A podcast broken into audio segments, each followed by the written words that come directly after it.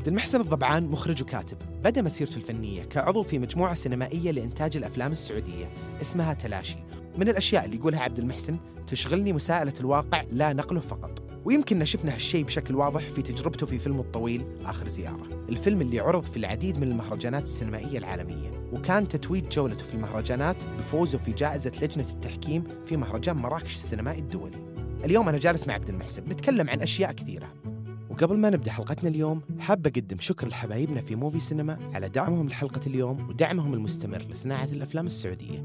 شكرا لهم وبسم الله بدينا. خلينا نبداها كمشهد افتتاحي سينمائي. okay. خلينا نقول داخلي مستشفى الوطني. الوطني. نهاري أنا أتوقع لمدة أول الصباح. حلو. في الساعات الأولى من الصباح. إيه. ف آه، كان هذا عام آه، عام 1984 حلو. 4 أكتوبر. وحنا كسعوديين عندنا ازدواجية بين الهجري والميلادي. فهذا كان يوافق 8 واحد 8 محرم 1405 طبعا آه لأني أنا ولدت في آخر 84 أنا أذكر حتى لما كنت في المدرسة كنت أنا أصغر واحد بالصف.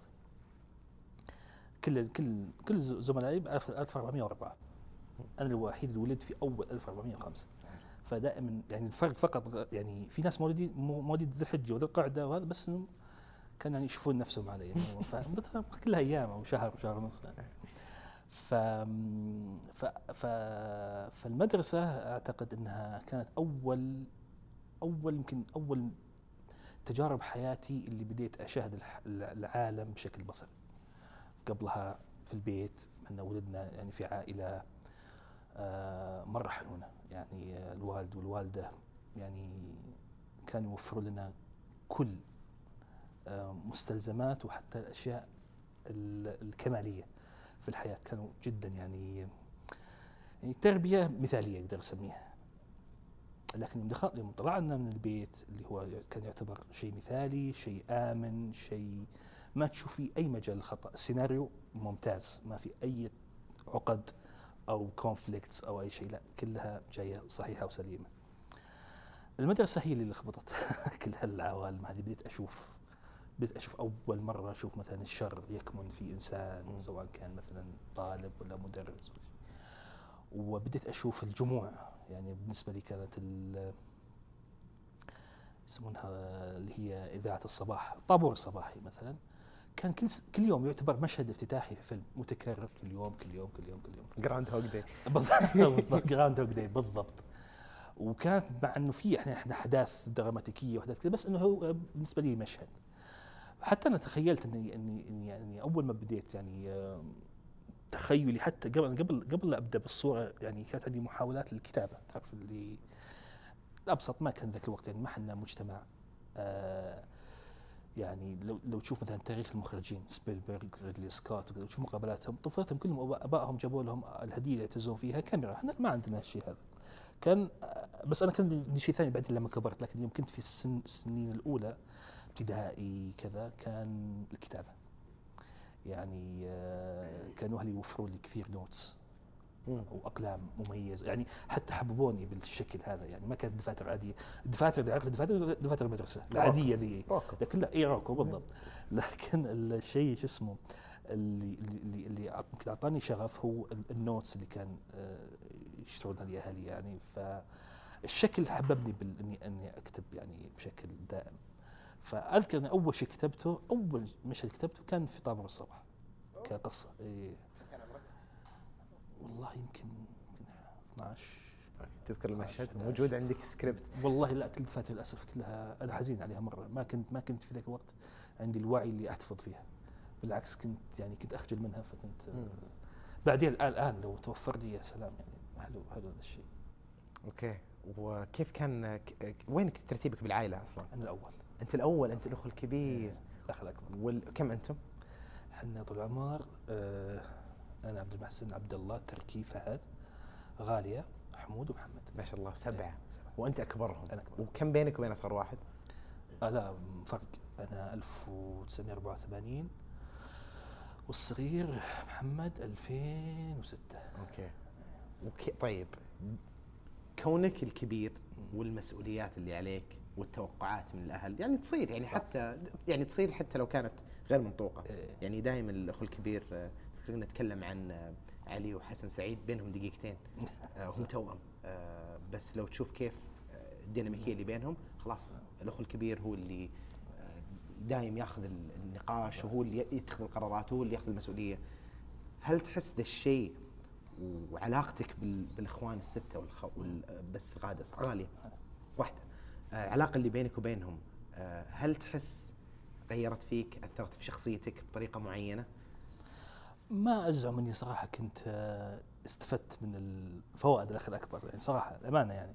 ليش؟ لأنه أنا و أنا وعبد الله وتركي وفهد إحنا بيننا بيننا سنة ونص سنتين فإحنا خلينا نقول أربعة الكبار بالأحرى. وأبوي الله يعطيه الصحة والعافية نعم. وطول العمر آه، هو اللي دائما هو ال- هو القائد في البيت يعني ما ما حد يشاركه ابدا الزعامة يعني. ف فما أعتقد إني ابدا كنت اخ أكبر بالمفهوم التقليدي. ممكن أحيانا اشعر فيها لما كبرت شوي فتشوفها من خلال الاحترام والتقدير أحيانا يعني خلينا نقول معني ماني ماني ميال كثير للنصائح الأبوية أو النصائح ال- الأكبر بس ما, ما أميل لهذا الشيء أشوف قصدك؟ يعني إنه يعني ما أحب إني أقدم نصائح. لأحد سواء كان صديق ولا أخ ولا ولا أنت في الأخير كل له تجربته كل له مساره كل له تراكم تجربته في هذه الحياة. فأنا أشوف يعني النصيحة نوعا ما قد تكون أحيانا يعني توتر أكثر منها تخدم. خاصة إيه. لما انطلبت. إي خو... لا جت من لكن بض... إي. منظور أنا أعرف الصح سوي هالشيء. صحيح مو صحيح. اللي اسمع ترى هذه تجربتي خذها سوي فيها اللي تبي. صحيح بس إني نوعا ما يعني يمكن هذه كانت فكرة عندي سابقا الآن لا تعرف الواحد ما شوي يعني يكبر بالسن. آه مع الشباب إحنا لكن يعني يكبر شوي ينضج يعني خلينا نقول أو يصل إلى نوع إلى إلى مستوى من النضج معين. ما يبدأ يعني يت يت يت يعني ي- ي- يعد مثل هذه الأفكار زي النصيحة زي الأخوة زي كذا الاحترام زي يعتبرها ك يعني مصطلح ثابت. بالأخير هو مصطلح متغير. يعني ممكن إنه يعني لو جاء مثلا لو جاني أحد وقال مثلا عبد المحسن أنا جيتك الآن أبغى منك نصيحة. يا كذا يا كذا.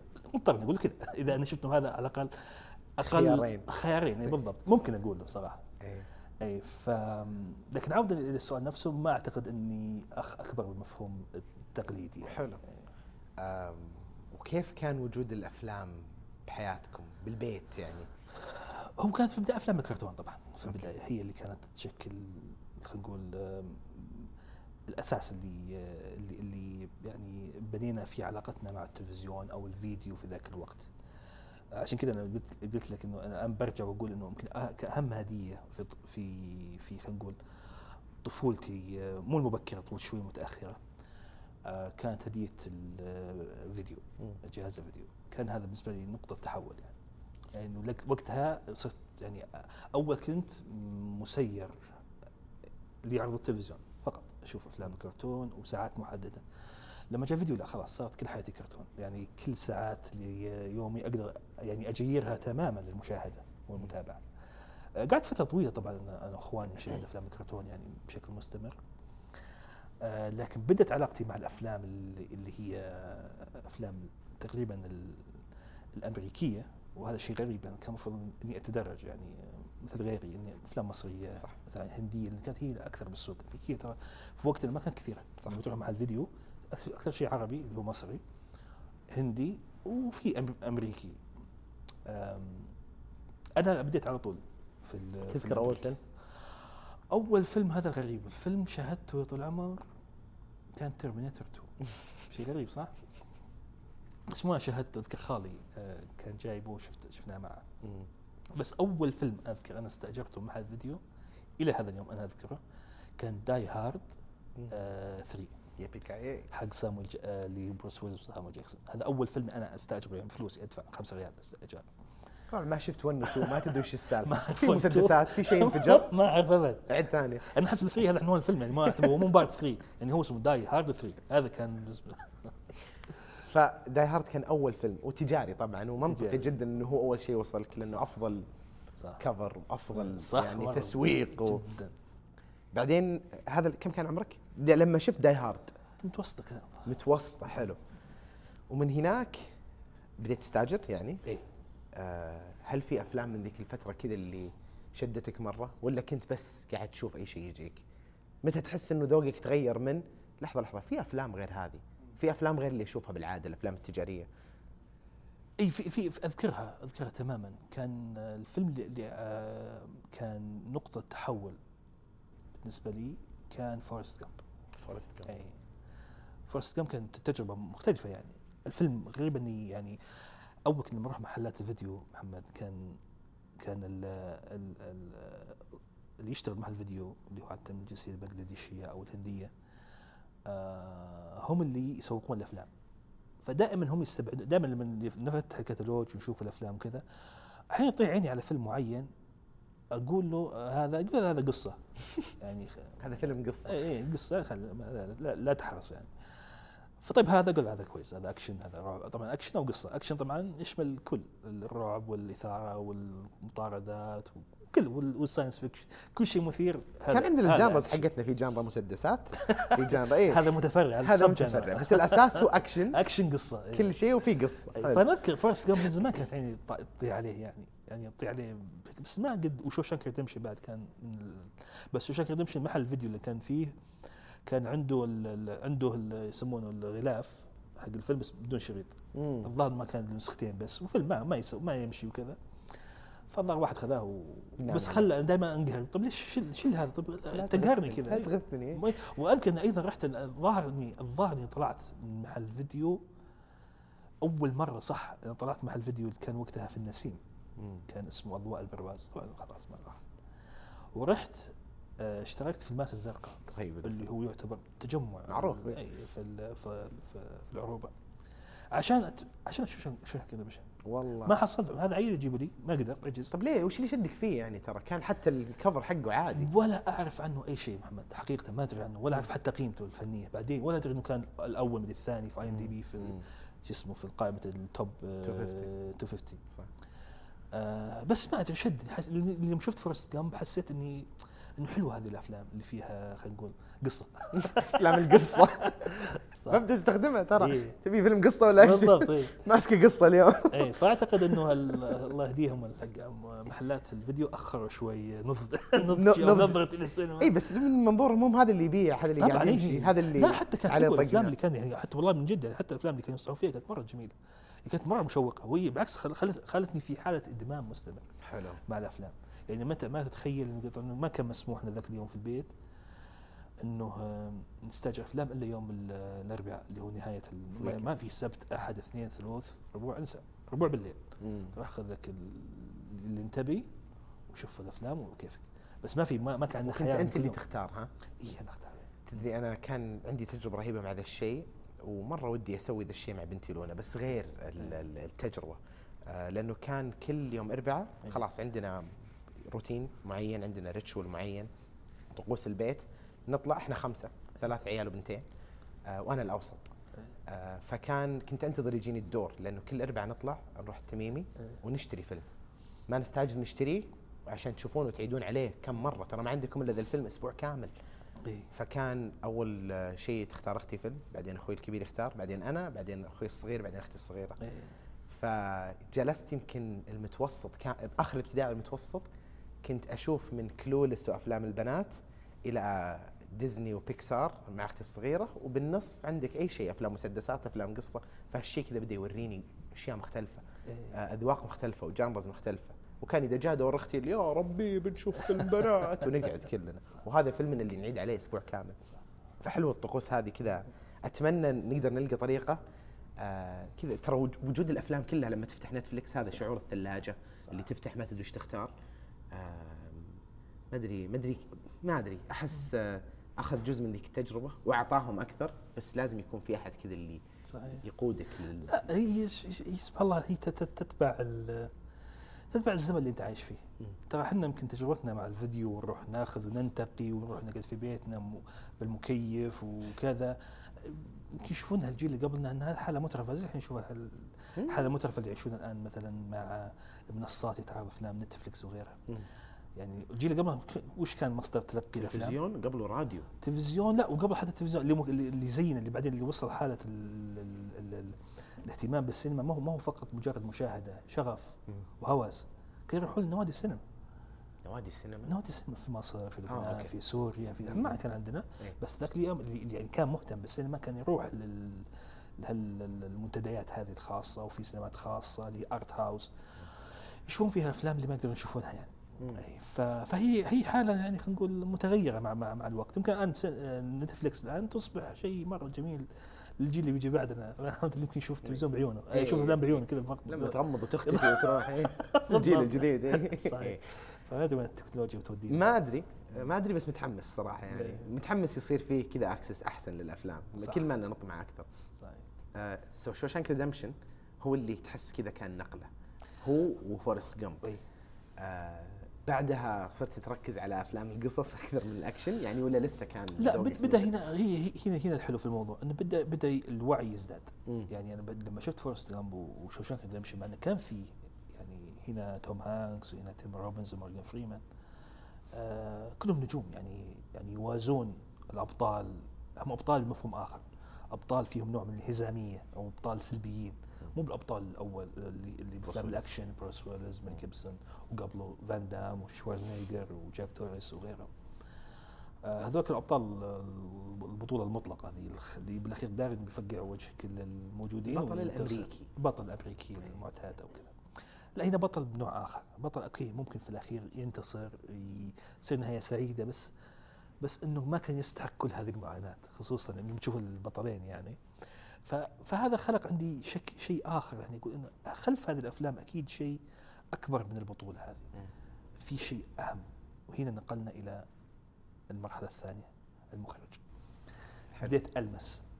هنا. وش اللي وش اللي يفرق هذا الفيلم عن هذا الفيلم؟ وش النج... في أكيد في في ماده. لأن بروس ويلز مثلا لما كنت أحبه أول صدمة جت لما شفت له فيلم ما حبيته. إذا تغير إذا سبب نجاح الفيلم ليس بروس ويلز. توم هانكس شفت له كذا كذا كذا. بعدين شفت له فيلم ما عجبني.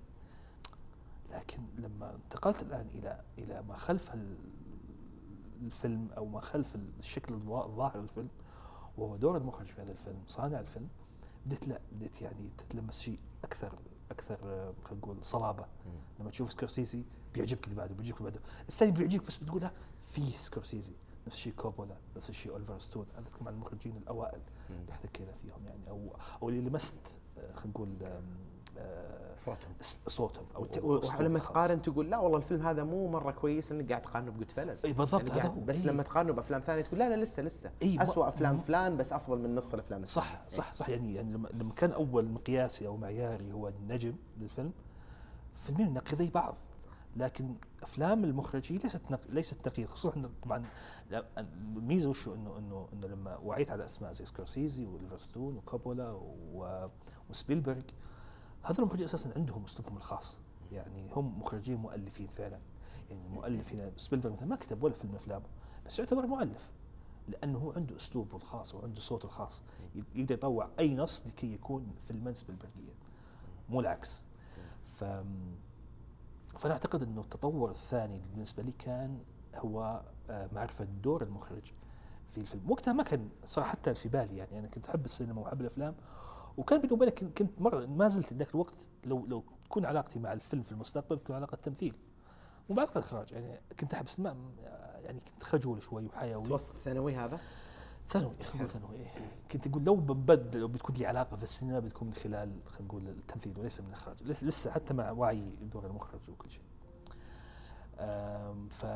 فكانت هذه هذه هذه بداية خلينا نقول وعي بالسينما حقيقة. حلو.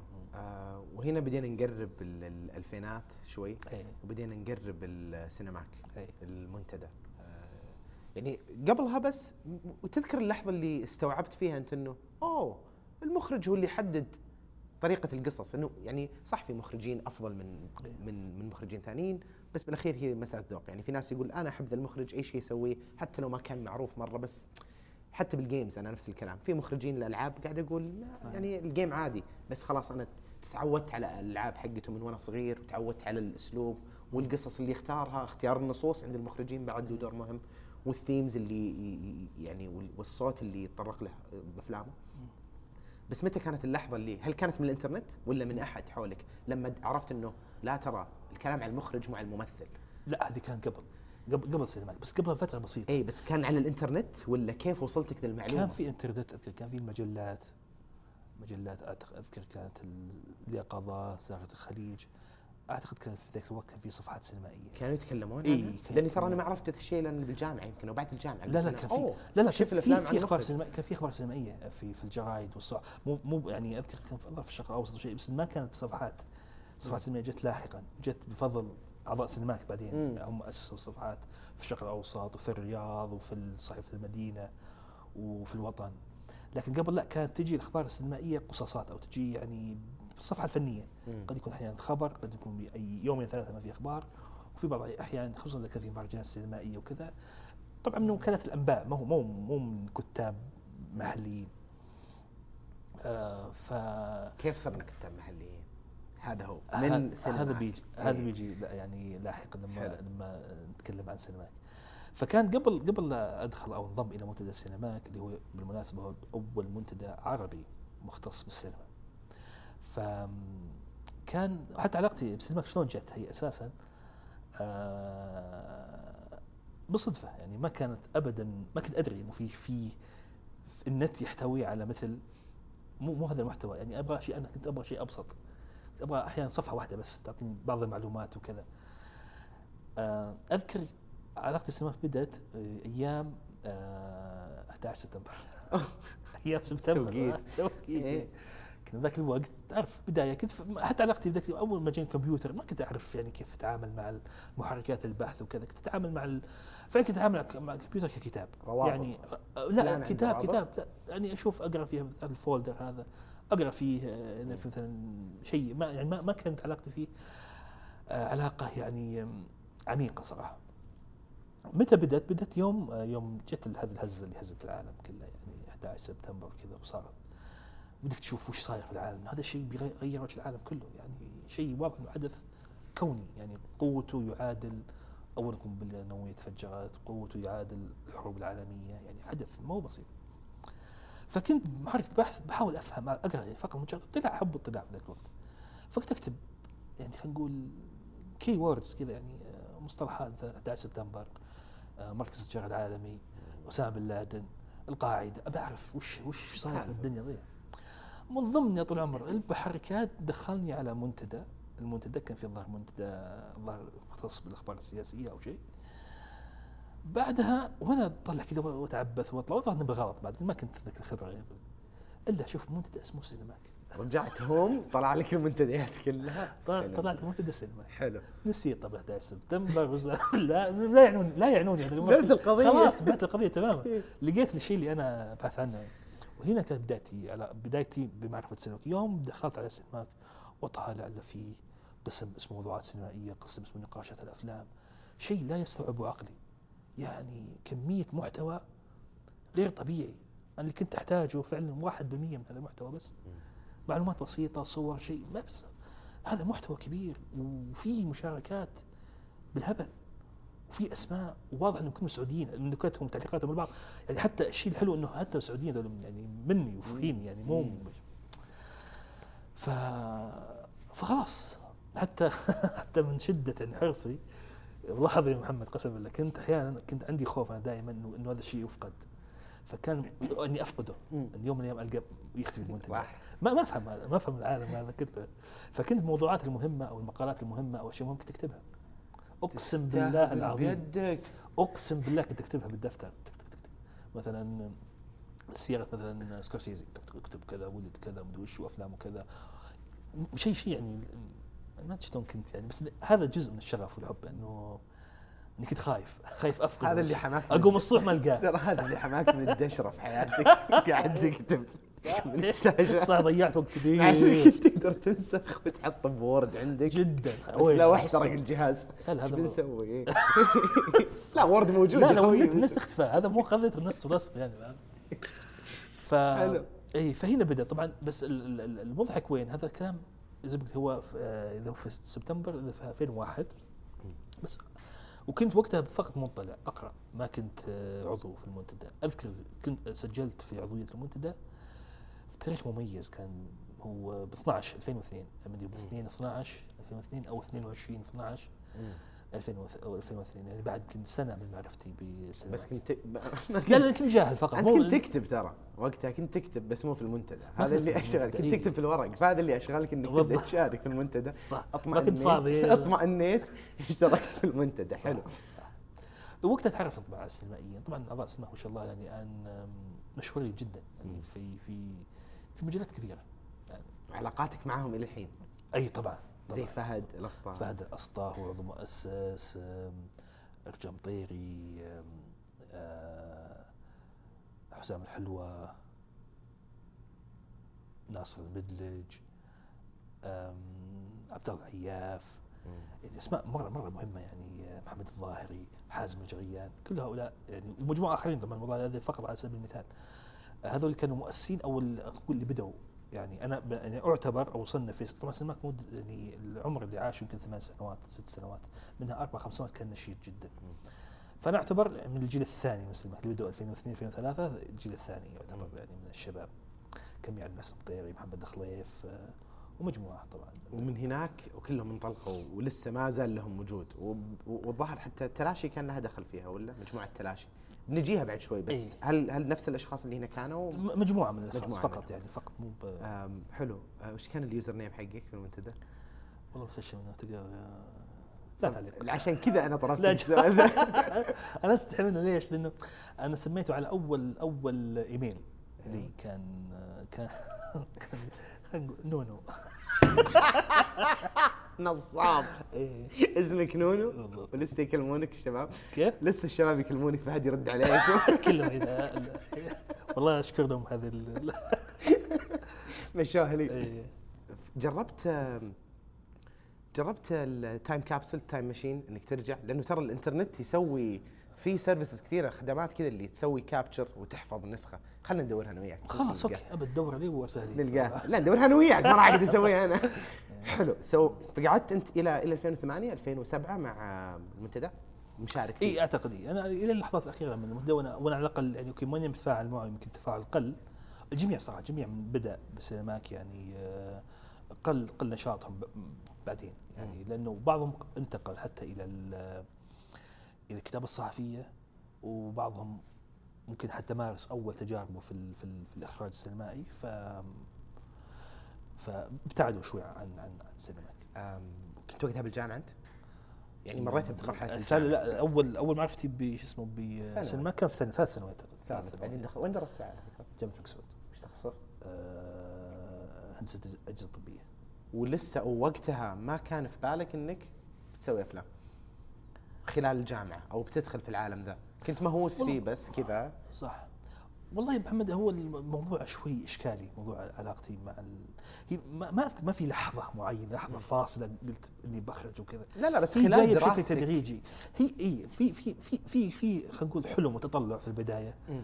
آه، هنا وقتها خلاص أك- يعني وقتها لما بديت أطلع أكثر على السينما وكذا حسيت إن دور المخرج في الفيلم هو يعادل دور كاتب في الرواية والمؤلف الموسيقي في المقطوعه الموسيقيه يعني هو ال يعني طبعا الفيلم يتميز عنهم كلهم. يتميز إنه إنه هو عمل جماعي. صحيح. صحيح عمل جماعي. يعني يعني ما تقدر تنتقص دور أحد من أعضاء الفيلم. سواء كان الكتابة التمثيل التصوير الإضاءة المونتاج الموسيقى كل عناصر مهمة جدا. لكن بالأخير كل هؤلاء المبدعين هناك مبدع خلينا نقول يقف في ال- في المنتصف ويدير هذه العملية. وعنده رؤية. وعنده رؤية. ورؤيته ورؤيتهم كلها لازم تتناسق مع رؤيته لهم لمستهم فيها. بالضبط. بس بالأخير تتناسق مع رؤية. المخرج. أي. فحسيت هنا دور المخرج دور قيادي في, في الفيلم. و- وكنت أطلع وقتها إني إنه لأني خلاص وقتها أعتقد إنه زي ما قلت كان عندي بعض اسميها خربشات كتابات كذا بسيطة. قلت خلاص أنا ماني ما أصلح اكون خلينا نقول كاتب. روائي أو أو سارد روائي سواء بالقصة. يعني أنا أفضل قصة قصيرة على الرواية يعني يعني مهتم فيها أكثر. قلت بقى- بيكون علاقتي مع مع الفيلم آه كمؤلف. يعني آه ليس فقط إخراج بل حتى كتابة الأفلام اللي أنا اللي أنا أخرجها عشان يكون على تماس معها مباشر يعني. سواء يعني كتابة يعني خلينا نقول تنطلق من فكرة نابعة من عندي أو من عند صديق شاركني كتابة أو حتى من كتابة كتابه مقتبسه من رواية أو قصة آه قصيرة. قريتها حلو.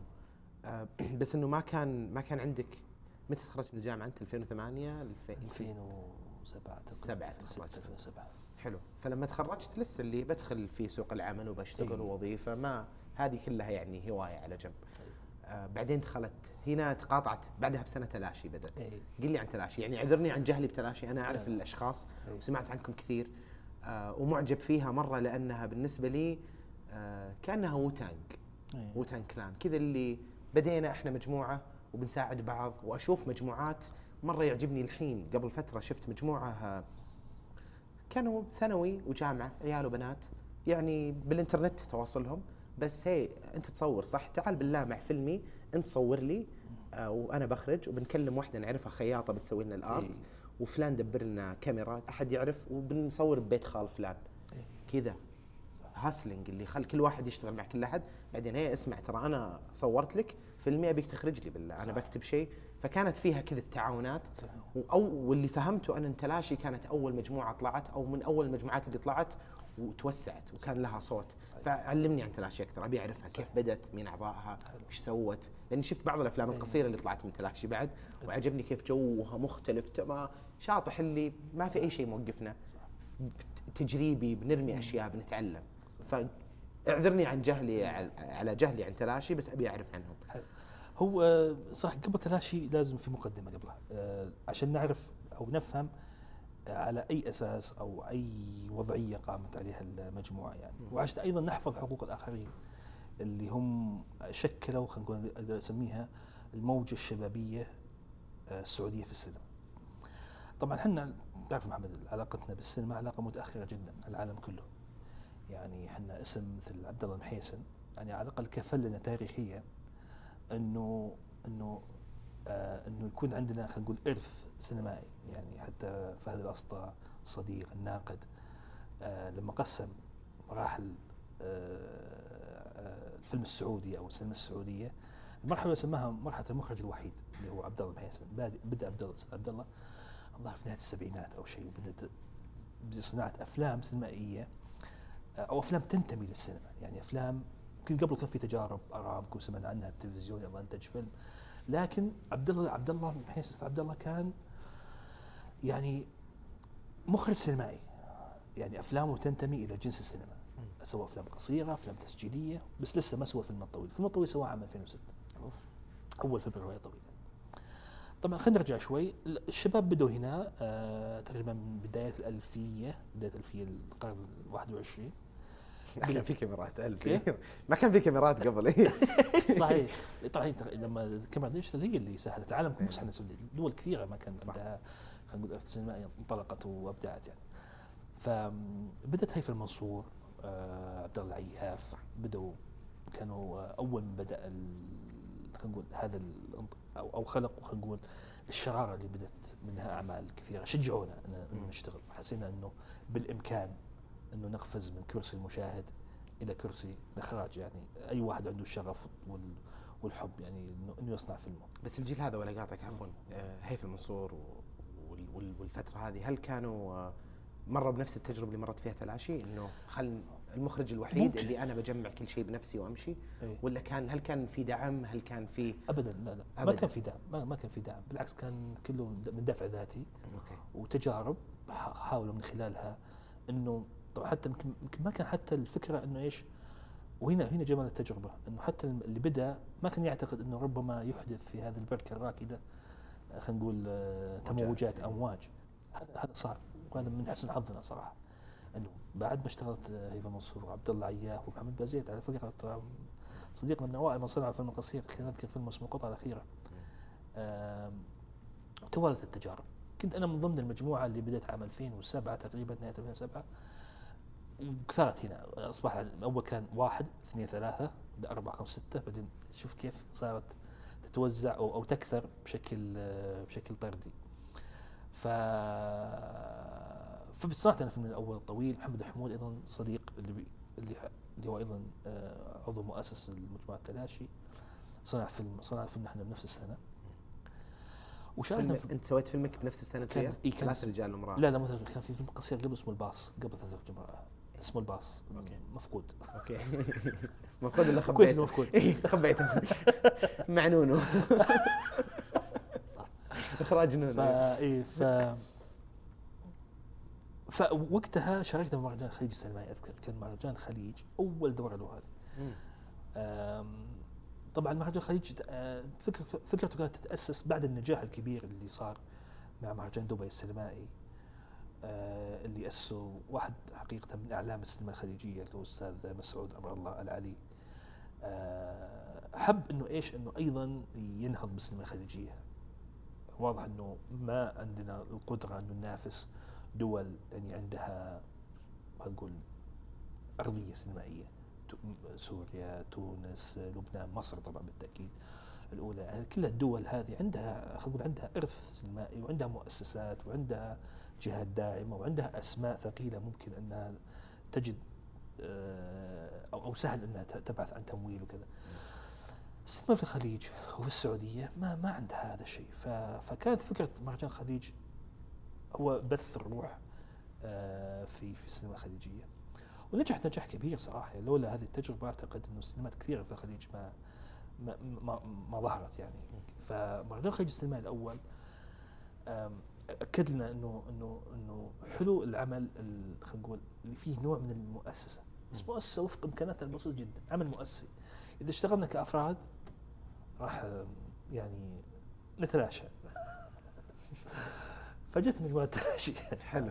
هذا هذا الاسم هذه أعتقد الفكرة أعتقد إنه اي إحنا حتى أعتقد إحنا مجموعه الشباب اللي التقوا اللي هو أنا و آه، فهد الأسطى محمد الحمود محمد الظاهري محمد الخليف حسام الحلوة تركي رويتي عبد المحسن مطيري نواف المهنا. اجتمعنا في في في هذه الدورة. وقررنا إنه نأسس مجموعة تلاشي كنتوا تعرفون بعض قبل؟ اي أصدقاء أصدقاء. أصدقاء يعني قبل حتى علاقتنا كنا أصدقاء بالحياة العامة يعني. بس كلنا يجمعنا وطبعا اللي اللي اللي, كون صداقتنا هو حبنا وهوسنا بالسينما في الأساس بعدين صارت السينما جزء من من من من, من علاقتنا يعني. ف فقلنا السنة الجاية راح نحضر ومعنا مجموعة من الأفلام نشارك فيها. طبعا لك أن تتخيل بدينا طبعا وقتها اجتماعنا و وحطينا من القواعد القواعد كيف نشتغل وكذا. دفعنا قطات طبعا بسيطة وفق إمكاناتنا. موظفين بعض. كل موظفين بسيطين بعضهم طلاب بعضهم عاطلين يعني ما, ما كان ذيك ذيك يعني ما, كان عندنا يعني خلينا نقول تمويل. تمويل. فالظاهر دفعنا مبالغ بسيطة يعني ما ما, ما كانت تذكر. شغلنا من خلال الكاميرا. وشغلنا set إضاءة بسيط. تذكر وش الكاميرا كانت؟ كانت Sony Z 1 okay. قديمة مرة. في المتحف الحين تلقاها ما تلقاها في المتحف فش اسمه ف اشتريتوا اشترينا العده؟ هذه ويوم شريناها يعني بدينا المرحلة الأصعب اللي هي ما هي النصوص أو ما هي الأعمال اللي نشتغلها. وكان صراحة الامانه وحنا نشتغل مع إنه والله كنا مرة يعني آه، مجتهدين في في في شغلنا وعملنا لكن بدينا نفقد الأمل إن فكرتنا ذي الح- ال- الحلم هذا إنه نشارك كمجموعة وبأفلام في المهرجان بدأت تخف مع مع مرور الوقت. حسنا okay لو طلع بفيلم فيلمين خير وبركة. الحمد لله ما كانت يعني العجيب إنه إنه إنه مع قبل نهاية السنة أو قبل حتى ال deadline المهرجان طلعنا بسبعة أفلام. سبع أفلام؟ خمسة آه، اختيرت في المسابقة الرسمية واثنين آه، اختيروا خارج المسابقة. لكن كل أفلام المجموعه شاركت في في المهرجان. كان هذا عام 2008 okay آه، سويت أنا ثلاثة رجال مم. حسام الحلوة ما بي آه، محمد الحمود ظل آه، محمد الظاهر شروق غروب محمد خليف حسب التوقيت المحلي آه، نواف المهنا أعتقد اسم اسم فيلمه آه، آه، آخر يوم أعتقد أو شيء زي كذا آخر يوم. okay. وعبدالمحسن مطيري كان والله أنا ناسي اسم فيلمه بس آه، كان فيلم كوميدي جميل. قدمتوا السبعة وخمسة اختيروا في المسابقة. حلو. إي. بعدين إيش صار؟ آه، فاز أحد أفلامنا اللي هو شغروب جائزة في المهرجان. وهو الفيلم الدرامي الواقعي ال- ال- ال- خلينا نقول اللي, اللي يشكل فعلا المزاج المهرجان المهرجانات. يشكل مز- يعني النوعيه هذه نوعية مرة مقدرة ومحترمة عند المهرجانات في ذاك الوقت. وما زالت طبعا هي الفيلم الواقعي اللي ينقل خلينا نقول آه، يلقي الضوء على واقع مجتمع ما وقصة إنسانية فيها صدمات فيها فيها فيها حس نقدي اجتماعي وكذا. وقصة بسيطة ومصنوعة بلغة سينمائية يعني لغة سينمائية خلينا نقول يعني آه، رصينة. وفاز الفيلم. بس الحلو أيضا غير أنه طبعا فرحنا بهذا الانتصار أيضا فرحنا بانتصار آخر. المجموعة فازت بجائزة تقديرية خاصة عن مجمل أعمالها. أوف. إي هذا كانت المفاجاه يعني كانت سعادتنا غريب إنه كيف لجنه التحكيم في ذا المهرجان حسوا إن هذه الأعمال الخمسة بينهم لها صوت. لها صوت واحد. مم. له رابط مشترك. حتى كان خلينا نقول التسبيب إذا قلنا باللغة القانونية مم. ليش فزنا بالجائزة إنه لأنه هؤلاء المجموعة آه، يحاولون أو يؤسسون ل آه، حركة سينمائية. سينمائية أو إنتاج آه، سينمائي سعودي وكذا. فكانت يعني مرة يعني الجائزه هذه ما زلت إلى إلى اليوم هذا أنا يعني أفتخر فيها لسه جداً. موجودة عندكم أي، الجائزة عند عند؟ عند عند فهد الاسطى okay. okay. ابي اشوفها مرة. آه حلو. وبعدين هنا واستمريتوا تلاشي؟ آه السنوات اللي بعدها؟ ولا تلاشيتوا على طول؟ تلاشينا على طول. السنوات. لا لا هو كان ال- ال- شو اسمه؟ آه طبعا إحنا ما فعليا ما تلاشينا. إحنا بالعكس هي بالأخير المجموعة ما كانت فكرتها إنها تبقى. آه طبعا بالمناسبة فقط تذكير إنه إحنا لسنا مجموعة السينمائيه الأولى في السعودية. في مجموعة أيضا لها تقدير كبير يعني مجموعة قطيف فريندز. بدأت صح. في عام 2006 و2005 آه فمجموعة تلاشي تلاشت بس ما تلاشت على خلينا نقول بلا فائدة. تلاشت بشكل مرة إيجابي. وأي واحد بيسمع ليش تلاشت بيسعد لأنه تقريبا نصف أعضائها راحوا يدرسون سينما برا محمد. محمد الحمود راح يدرس في ال making آه، آه، باسم طيري production آه، تركي editing محمد الظاهري آه، في النقد السينمائي ونظرية الفيلم فكل يعني شيء يعني ثقيل مو شيء بسيط ابد يعني. والمجموعة اللي بقيت هنا في الرياض اللي وأنا وفهد الاسطى وحسام الحلوة ونواف المهنا أيضا ما توقفنا يعني. اشتغلتوا مع بعض. اشتغلنا مع بعض عندكم أعمال كثيرة مع بعض. أفلام سوينا أفلام في الدور اللي بعدها ومسلسلات بعد. اي بعد. واشتغلنا في المسلسلات وورش الكتابه في آه، اشتغلت مع اعمال روتانا MBC وروتانا إيه. ما توقفنا يعني. حاولنا نصقل قدراتنا الكتابية والإخراجية من خلال العمل. مم. في صناعة التلفزيون السينما في الوقت ذاك الوقت ما كان خلاص ما في ما عندك يعني آم، يوم تروح. وين بتروح؟ حتى لما صنعت بعد التجارب هذه الأولى سويت فيلم قصير اسمه مفتاح عام 2013 كانت تجربة بسيطة بس إنها تضيق الصدر بالأخير لأن هي عبارة عن تكرار للتجارب السابقة. اللي هي اللي هي اللي هي أفلام no budget إحنا كنا أفلام نشتغل no budget ما في هذا الشيء. فحسيت إنه خلاص إلى إلى متى؟ يعني إذا نقدر نقعد نشتغل كذا ما راح يكون في تطور. الفيلم بحاجة إلى ميزانية. صح. عشان تحمل خلينا نقول يحمل الفيلم صيغة الفيلم أو شكل الفيلم اللي يعتاده الجمهور اللي هو معتاد عليه الجمهور أيوة. لازم تشتغل. في مقارنة. اي في مقارنة. والتعب يعني في أساس لازم تشتغل منه. يعني ما هي العملية زي أول عملية خلينا نقول تجريبية فقط أو كذا يعني شغف مجرد شغف. لا لا. آه لازم تنطلق يعني. ومن وقتها بديت أنا فعلا تطلع إلى صناعة فيلمي الروائي الأول الطويل. اللي هو آخر زيارة. اللي هو آخر حلو. متى متى بديت كتابة اخر زيارة؟ بديت أنتم بدينا فيها أنا؟ وفهد هي الفكرة الأولى أو شراره الفكرة جت من فهد الأسطى حلو واجتمعنا عليها يمكن اجتماعات تأسيسية. قبل بس انها ماخذه طابع في بداية الجمعات الودية صديقين يجتمعون ويلتقون ممكن جزء من الجلسة سواليف عامة والجزء الآخر لا، عملية شوي قصة الفيلم. قصة حلو. الفيلم بنائها وانطلاقها. وحاولنا نوعا ما إنه نكتبها بطريقة غير تقليدية. ما يعني ما نعتمد على سالفة ال- خلينا نقول الشكل التقليدي للكتابه نعتمد ال act 1 act 2 نتكلم عن كل شيء. احداث يعني ش- أحداث. نتعامل مع القصة كأنها يعني كأنها شيء أمامنا ونحرك فيه ونلعب زي الشطرنج الشخصيات كيف كيف آه، علاقتها ببعض آه، وين مسار الأحداث وين كذا وين وين. لما حسينا إنه عندنا وقت يعني عندنا خلينا نقول بناء جيد ل ل لقصة ممكن إنه نقدر نحولها إلى سيناريو بدينا وقتها الشكل التقليدي الاجتماعات المكثفة وكتابة ال outlines. بهالفترة هذه ما كان هل كان في دعم للفيلم واضح؟ ولا ما في بتقولون لا لا لا لسه ما إحنا رحتوا كانت اثرى فكرتنا إنه نكتب فيلم. أي. أوكي؟ ونروح نبحث له عن داعمين. يصير خير إذا خلصنا كاتبين يصير خير. بالضبط إيه. هذا هو هذا اللي حدث فعلا ترى حلو. وغريب صراحة يعني أنا, أنا إلى الآن أعتقد إنه إنه خلاص وقتها وقتها حسيت إنه لازم لازم نقلب على شيء لازم نسوي شيء. يعني بالأخير في صناديق دعم في العالم موجودة ممكن من خلالها. طبعا إحنا أحبنا أن يكون الدعم من من السعودية. بس إذا ما في مجال ممكن نشتغل فيه على المهرجانات في الإقليم ولا في العالم ونحاول نبحث عن عن دعم للفيلم. آه وفي يوم من الأيام آه كلمني فهد وكان مرة سعيد ومبسوط. قال إنه آه، شو اسمه إنه آه، فيه أيام الفيلم السعودي. فتحوا آه، شو اسمه برنامج لدعم الأفلام. منها فيلمين طويلين. وهذه جديدة. الدعم الأول كان فقط الأفلام القصيرة. هذا عام كم؟ 2017 17 2017 حلو. إحنا بدينا على فكرة بدينا اي إحنا بدينا ب 2016 مم. بدينا 2016 بعد كتابة الفيلم. بس كان outlines وقتها. يعني ما كان سكريبت كان outlines beats وش صاير القصة؟ بالضبط. لا لا outlines فعلا. حتى بالمشاهد. يعني كنا آه، كاتبين. إي يعني كاتبين كذا. بس إنه وصف المشهد وشرح المشهد مخطط الفيلم عموما. بس لسه الحوارات وكذا والى آخره. طبعا وقت بعدين لما كتبنا السينما تغير كل شيء يعني. فمن يوم آه أعلنوا بدت يعني خلينا نقول تنبض فينا روح الجدية شوي. فصرنا نجتمع اجتماعات مكثفة وكتبنا من خلالها السيناريو خذ منا تقريبا يمكن شهرين أو شيء. بس كان قبلها مؤسس يعني. ما, صح. ما بدينا فيه يعني بشكل.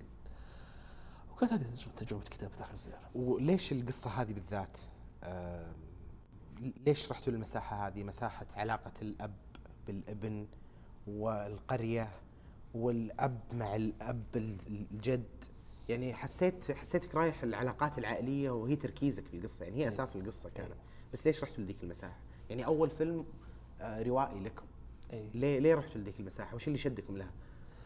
يا أخي أنا أحس إنها كانت تنتمي لنا كثير يعني آه، لما آه، حديثنا أنا وفهد أحيانا تأخذ طابع هذا الطابع أو هذا الشكل. العلاقات مع الآخرين عموما وأيضا انه فهد يعني كنت وقتها ماني متزوج وفهد متزوج وأب فمثل هذا الموضوع كل عنده انبوت عليه. يعني أنا يعني خلاص وصلت إلى مرحله كبير في السن يعني ماني مراهق وكذا لكن بالاخير ذاكرتي تحتفظ يعني أحتفظ ما زلت في ذاكرتي تراكمات هذه التجربة. وفهد نفس الشيء. فقلنا خلي يكون بدايتنا بداية يعني تتعلق تتعلق بهذا النوع من العلاقات. أعتقد إحنا مجتمع يعني مميز كمجتمع سعودي في العلاقة بين بين الأب والأسرة وكذا. بغض النظر عن أي حمولة فكرية ممكن صح أو أو أو أو شيء خلينا نقول في مطبوع في ذاكرة الناس شيء الاستيريوتايب هذا صح. ال- الشكل النمطي صح. إنه إحنا مجتمع شوي أبوي وكذا صحيح بس إنه مو معنى أبوي معناه سيء إحنا هذا كنا بنقوله أو كنا بنحكيه إنه. إحنا عندنا تجربتنا الخاصة اللي طلعت خلينا نقول آه، آه، طلعت خلينا نقول الإنسان السعودي أصبح يعني له مزايا وله شكل زي الإنسان الأوروبي إيطالي كان إسباني أو برازيلي في كذا أو يابان. يعني بالاخير له شكل له هوية معينة نعتز فيها وكذا. فإحنا كنا نحاول بهذا الفيلم نقول إنه حتى في أشد آه، مراحل خلينا نقول العلاقة بين بين بين أفراد هذا المجتمع اللي اللي يشوفها الآخر انها إنها قد تكون قاسية أو قد تكون شكل من اشكال جافة. جا- جفاف وكذا. هي بالأخير هذا شكل يعني آه، أسس مجتمع أسس أفراد أسس. هذا إحنا نقوله بتجرد مطلق. يعني ما كنا إحنا في ما كان في في واردنا أن نعزز صورة معينة ولا أيضا انه ننتقد أو أو أو أو أو آم، نرفض يعني ما هي قضيه رفض وقبول هي عملية فقط تسليط ضوء نحكيها مثل ما هي. نحكيها مثل ما هي. مم. ف فمن هنا جت الفكرة صراحة يعني كانت في فكرة عامة غير القصة نفسها اللي القصة نفسها حبيناها إنها قصة إنسانية بسيطة وعلاقة ولد وابنه وهي علاقة بالأخير هي علاقة عالمية كونية. صح. الجميع يعني هذا الفيلم ممكن انه يشاهده أي إنسان في العالم ويحس فيه. لكن وش اللي يخليه نوعا ما يتميز أو أو كذا؟ إنه طالع من بيئة معينة جديدة. خصوصية المجتمع السعودي في خصوصي- القصة هذه؟ خصوصية المجتمع السعودي في القصة. هل حسيت لأنك أنت وقد تكلمنا كثير أنا وياك عن الأفلام اللي تحبها و يعني أنت صح بديت بالأفلام ال- من هوليوود بعدين رحت الافلام الأوروبية بعدين بديت تتنقل وبديت تشوف الأفلام اليابانية وغيرها وتوسعت فيها بشكل كبير مرة. هل من كل ذا الأفلام اللي اطلعت عليها عندك رقم على فكرة كم فيلم تقريبيا قد شفت قد فكرت بذا الشيء؟ ولا ما حتى ما والله حسب حسب. ولا مو مو كل الأفلام صح أقيمها بس تقييمي في IMDb. يمكن مقيم حول 2600 حلو. 2700 من ذا الأفلام اللي موزعة على عالم. عالم ومدارس فكرية المدرسة الإيرانية والمد يعني كل نوعية أفلام تطلع من دولة لها خصوصية ولها صوت معين. وحتى لو رحت درستها شفت كيف بدت وكيف خصوصية المجتمع بدات تتأثر على الجيل الأول من الأفلام الجيل الثاني الثالث لما صار لها نضوج ولا انجرفت وراء ال mainstream ال- ال- الأمريكي خلاص آه، هوليوود. هل كان في أشياء عناصر من سينمات ثانية حاولت تسحبها بالفيلم هذا؟ يعني أشياء من اليابان بحكم علاقتهم الأبوية والجافه بعد؟ أشياء أوروبية. هل هل كان ذا الشيء موجود؟ ولا بشكل غير واعي كذا حسيتها زالت بالفيلم؟ والله شوف هو هو كان عندي عندي ريفرنسز للفيلم آه، حاولت إني أشتغل عليها في السينما الإيرانية والسينما اليابانية والسينما التركية كان عندي انتقاءات أفلام معينة آه كنت أحاول أدرسها أشوفها وطبعا هذه كلها افلام شايفها قبل. بس أنت لما تشاهد الفيلم محمد في البداية كمشاهد غير ما تشاهده ك يعني محاول لفهم وتحليل الف... و... و... و... ومعرفة لغة السرد في هذا الفيلم. آه طبعا آه آه لي- ليش أنا سو... طبعا في البداية كان كان عندي تخوف قبل لا أبدأ ابدا صناعة الأفلام كان عندي تخوف شخصي. اني قلت هل أنا كل ما بصنع فيلم بروح أشاهد أفلام ولا أوقف ولا هذا سؤال جدا وترني فترة من فترات قبل صناعة آخر زيارة فترة يعني حتى مو مو ب يعني فترة سنتين أو شيء. آه قلت هل بتتسلل هذه لغه هذه الأفلام علي؟ هل بتترسب؟ هل هل هل أوقف أفلام عشان أصنع أفلام؟ كل هذه الاسئله جت يعني. اللي طمني بهذا الشيء صراحة آه، سكورسيزي يعني سكورسيزي شاهدت له مقابلات كثيرة نوعا ما. سكورسيزي ما يصنع أفلامه أو يبدأ أفلامه إلا لما يشاهد يقعد قعده طويلة جدا على حسب كلامه ويشاهد أفلام المخرجين اللي يحبهم دي سيكا و وش اسمه روسيليني وهيتشكوك وغيرهم. آه وحتى يتكلم بتفاصيل يعني يقول أنا هذه اللقطة خذيتها من كذا عشان كذا عشان كذا أوكي هذا شيء حلو هذا شيء يدل على وعيه وعلى نضجه وعلى قوة خلينا نقول ترسب خلينا نقول تاريخ السينما في في في عقل سكورسيزي لكن أنا هل مطلوب مني أسوي كذا؟ جاني هنا هنا الجواب إنه مو بلازم مو بلازم إنك تكون يعني يعني خذ الأمور ببساطة جدا. حاول تكون أوكي إذا أنت عندك نوعا ما مساحة الإبداع الخاص خذه لا تلزم باي باي شكل أو أي لغة سابقة عليك. أما إذا أنت والله ودك فعلا تسوي زي الدراسة البسيطة زي المراجعة البسيطة اللي قبل الامتحان يعني بالأخير فهمت؟ يعني ما هي مسوية شيء بس طمنك. طمنك. إي. فاللي سويته هي هذه هذه الجزئية بالضبط إني حاولت أطمن فقط. أشوف على الأقل أنا ما ودي أصنع فيلم في بداية فيلمي ما كان صراحة نوعا ما الأمال والطموح هو إني أصنع فيلم الأول فقط. فقط. هذا كان ما في أي توقعات. إن ما كان يعني خلينا نقول فيه رغبة. لكن أتكلم عن انه وش ال ال ال ال النتائج المرجوه أنا صراحة مرة قللت السقف بشكل كبير. واعتبرت انه إنه هذا الفيلم ينضم أو يصير لي في الفيلموغرافيا حقتي. هذا بالنسبة لي إنجاز كبير جدا. بعدها أصنع اللي ابي وأكون أكثر ارتياحا تجربة أولى محمد يعني. ف صح.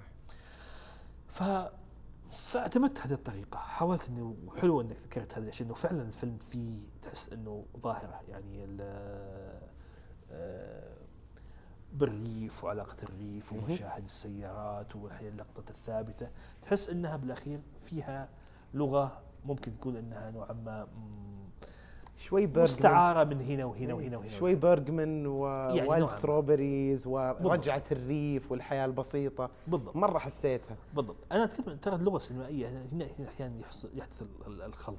عند الناس كثير. أنه يعتقد أن اللغة مثلا إذا هناك لغة سينمائية مثلا سعودية أو لغة سينمائية مصرية لازم تكون بأدوات هذا المجتمع. وهذا كلام خطأ. أنا أعتقد اللغة الفنية مو بكذا.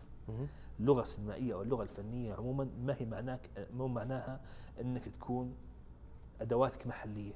كيف تقصد أدواتك؟ إيش قصدك؟ أقصد بهذا الشيء. يعني مثلا بيريمان إحنا قلنا بيريمان مثال جيد جدا. مم. هل اللغة اللي اعتمدها بيرغمان اللغة السينمائيه اللي هي تعتمد كثير على اللقطات الثابتة والطويلة كشكل والفلسفة الوجودية كمضمون؟ هل هي هذه داخله في صميم المجتمع السويدي؟ هل أحد يزعم إنه هذا هذا الشيء مو لا صحيح. ما أدري اي هذا اي هو إيه. خذاها بمفهوم فكري خاص فيه وكون لغة إلى يومنا هذا نعتقد إن السينما السويديه كل ما شفنا فيلم سويدي إحنا أمام فيلم فلسفي وجودي هو هو طبع بإبداعه الشخصي وعبقريته طبع سينما وطنية زي السينما السويدية بهذا بهذا الطابع لدرجة إنك ما تخيل فيلم سويدي يضحك كوميدي. اي ما قد جاء على بالي ذا الشيء الحين أنا في مخي فيلم سويدي مرة مضحك. أنا نسيت اسمه والله كان مره مرة يعني Square كان سويدي Square آه شو اسمه؟ آه لا في غير روي أندرسون. روي أندرسون مخرج مرة مميز اللي هو حق ذا Songs from the Second Floor. وحق You, the Living. هذا مخرج مميز يعني عظيم. كوميدي بس dark comedy مو مو بالكوميديا ال- ال- ال- شو اسمه المضحكة أو الإستهبالية هذه.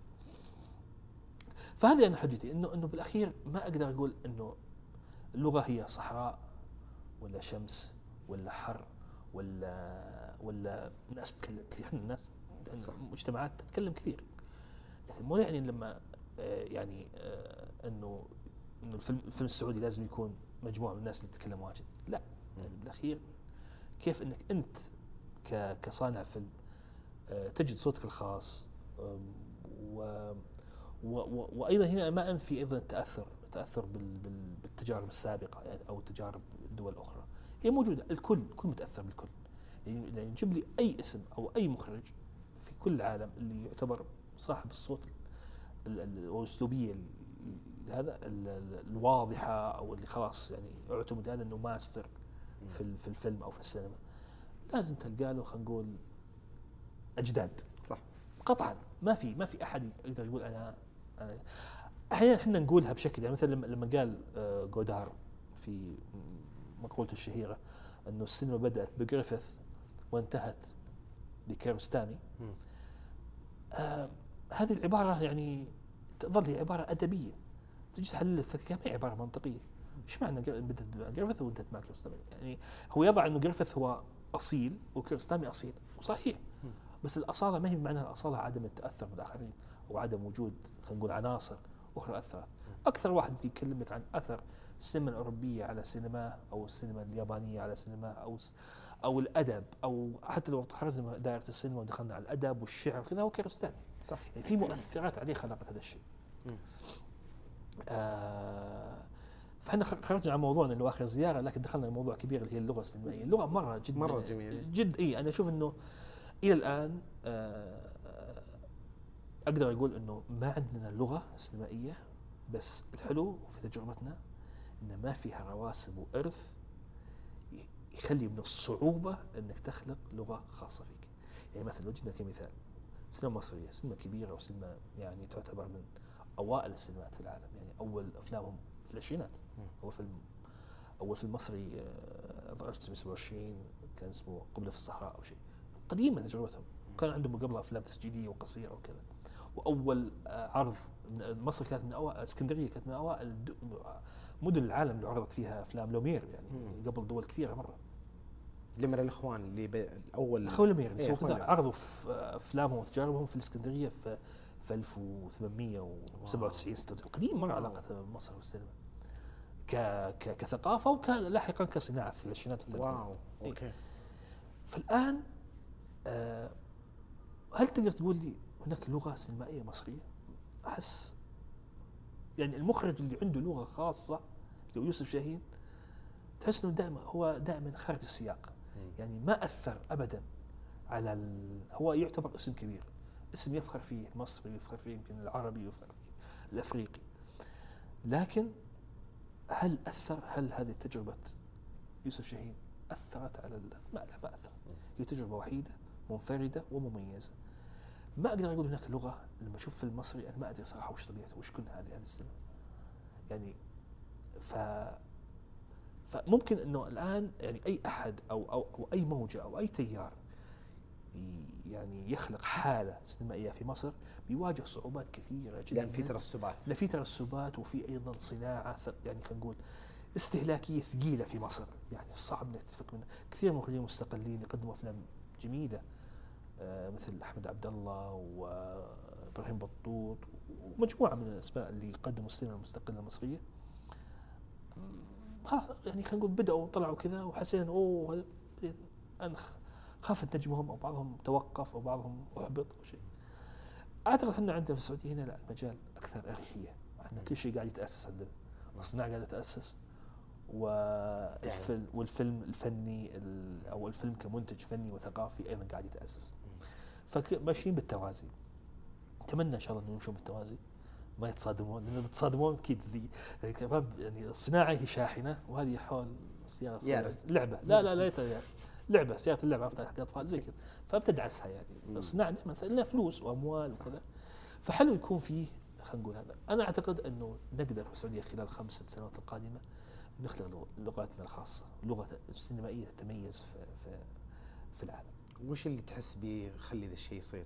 تجارب مختلفة ولا لا، إيش بالضبط؟ التنوع التنوع في التجارب جدا مهم بالأخير أنت الحين لما تكون أنا قاعد أتنوع لما تتنوع أكيد إنه في مثال مثال بينجح يعني أنت الحين لما يكون عندك شكل واحد. لا تتوقع إنه إنه إنه, إنه شكل واحد يعني ما تتوقع إن في في شيء يمكن يحدث إذا أنت مسوي تسوي نفس الشيء لكن إذا في تنوع ممكن إنه فيلم بفعل الموهبة بفعل الصدفة بفعل ما أدري عوامل النجاح عوا- اللي ما ندري ما. ندري كيف. اللغز هي ممكن ينجح ويصبح نموذج إذا أصبح نموذج بتلقى مباشرة كثير يعني ما أدري من يطلعون لك. الناس يحاولون يحاكون هذه التجربة وممكن في ناس أكثر إبداع وموهبة حتى من هذا النموذج يعني مثل كمثال. السينما اليونانية. شوف الحين. سينما مجنونة. السينما بدأت مع يورغث لان- لانثيموس و... وحتى في قبل يورغث. لانثيموس اللي هو اشتهر اللي سوى اللي سوى. و... و Alps. وأشهر أفلام اللي هو The Lobster The Lobster إيه. مع توني فور حلو سووا نموذج أو خلقوا نموذج. يعني السينما اليونانية اللي إحنا نعرفها هي سينما ثيو أنجيلوبولوس آه الأفلام ال- ذي ال- الفلسفية أو لا مو عفوا فلسفية أفلام فنية. فيها فلسفة بالأخير. بالأخير هو اليونان يتكلم عن دولة حضارية يعني إغريق يعني فهمت؟ ف- فكان كل الحضارة الإغريقية والأساطير الإغريقية وكذا كان يحاول انه يقولبها ويصنع منها مادة فيلمية واقعية اجتماعية بلغة فنية صراحة مرة مميزة. آه بس هذا هو اللي نعرفه عن السينما اليونانية. ممكن في في تجارب أخرى بعد سابقة كلاسيكية في الأربعينات. فجو هؤلاء الشباب تقريبا في في الألفية في نفس الوقت اللي إحنا اشتغلنا فيه أفلامنا القصيرة وسووا تجربة مختلفة جدا. سووا أفلام عبثية شديدة العبثية تكسر المنطق تكسر منطق الحياة تحاول النقد مو المباشر غير مباشر لكنه عنيف فج أحيانا يسبب الغثيان هذا شكل أفلام لا منطقية وتحاول تقول ليش أنا لا منطقي؟ لأنه بزعمهم إنه الحياة لا منطقية.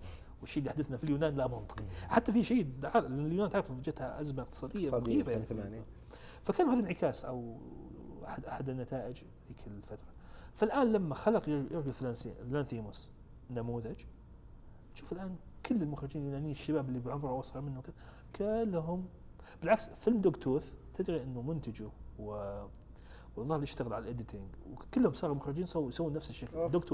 Tooth يعتبر يعني مدرسة أنتجت. أنتجت إيه، أنتجت أفلام كثيرة يعني آخر فيلم. آخر فيلم يوناني شفته صراحة مدهش وغريب آه 2020 العام الماضي اسمه Apples مهم. تفاحات. يعني أنا عموما غير معجب بالتجربة يعني أكون صادق يعني ماني حاب ال... أوكي أوقن بأنهم مبدعين وكذا بس لا تستهويك يعني ما تستهويني لكني أقف أمامها أحترمها وأقف أمام هذه التجربة وأشوفها تجربة مرة مهمة وتخلق فعلا لغة أو شكل آه، أو تصبغ هوية اليونان السينمائية بهذا الشكل، هذا شيء مرة مميز. آه، وطبعا الأمثلة الثانية معروفة كوريا وال- جبت مثال الاكثر غرابة ولا مثال الكوري كوريا الجنوبية ومثال الروماني والإيراني قبلهم والتركي حاليا حاضر يعني بشكل بشكل واضح إنه إنه استطاع يعني خلينا نقول نموذج من الأفلام أو أو نموذج من فيلم واحد إنه يخلق صوت. تيار كامل. رهيب وأنت تتكلم توجه على بالي شيء ما عمري فكرت فيه.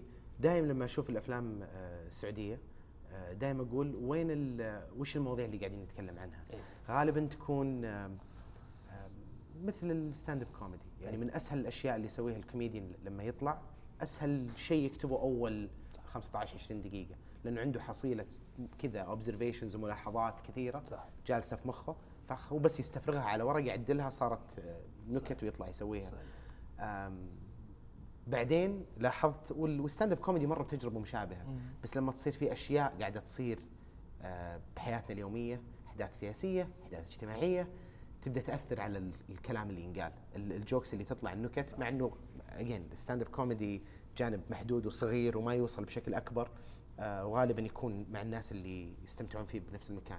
بس الأفلام الحين أنا تحمست أحس الأشياء اللي وإحساسي الأشياء اللي بتصنع صوت للسعودية للسينما السعودية هي لما نبدأ نشوف أحداث عالمية كبيرة تغير وعينا كسعوديين. لأنه في فنانين كثير مخرجين وكتاب يقول أبي أتكلم عن الموضوع بطريقتي. صح. بعدين نبدأ نبدأ نشوف الأفلام. تحمست ما كنت أفكر فيها بهذه الطريقة. صحيح. طب خلينا نرجع إلى آه، آخر زيارة. النص صار جاهز. موجود معانا. آه، سوينا منه النسخة. آه، بعدين وفرتوا الدعم له عن طريق إثرا. آه، بعدين قلنا بسم الله نبي نبدأ نشتغل في مرحلة ما قبل الإنتاج. نبي نحدد المواقع نبي نشوف آه، الممثلين واختيارات الممثلين والملابس و و و و. آه، كلمني عن التجربة ال pre-production قبل إيه. الإنتاج كيف كانت؟ اختيار القرية وين كانت؟ لأنه كانت مرة رهيبة عجبتني القرية لأنها ذكرتني كثير بالقصيم، أنا أرجع للقصيم كثير. ذكرتني كثير بالتركيبه الاجتماعية للقصيم إيه.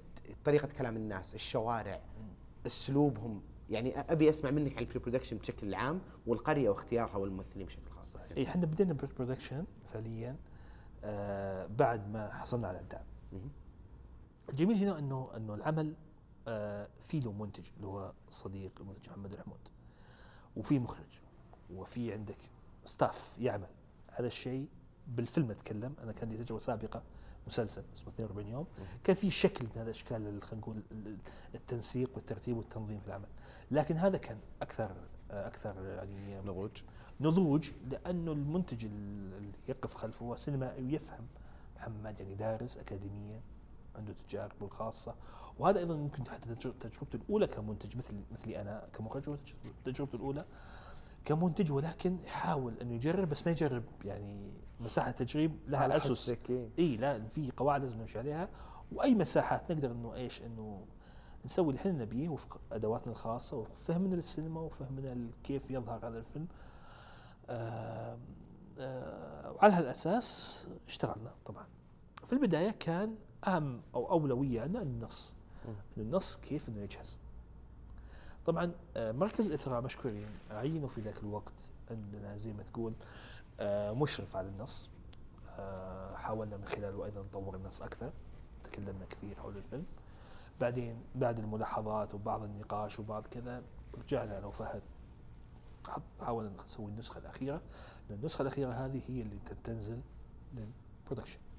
هم على أساسها بيعرفون يسوون شو اسمه ال break الوقت والفلوس كل وال- شيء. إيه. فخلاص خلصنا أول شيء. من النص بدينا مرحلة الإنتاج. طبعا بدأ المنتج هو في ال- الأشياء اللوجستية هذه المعدات الكاميرا إلى آخره. طبعا وأنا وقتها بديت أشتغل على الممثلين أكثر. بديت سوينا كاستنج العديد من الممثلين. لكن اخترنا الأبطال الرئيسيين. كانوا باختيار يعني أسامة القس وعبد الله فهد كانوا اختيار يعني. آه لاحقا طبعا آه عشان تكتمل عملية معرفة الأدوات اللي تشتغل عليها لازم أجلس المخرج مع السينماتوجرافر. يوضح له وش اللغة وش الأتموسفير وش الشكل وش المضمون وش كل شيء. يعني بالاخير مدير التصوير لابد يعرف من المخرج رؤيته الكاملة عن الفيلم. عشان يختار الصورة اللي ويختار تتناسب مع الصورة رؤيتك ويختار كذا وحتى يطلب يعني حتى نذكر مدير تصوير آه، صديقة من مسعدي من تونس.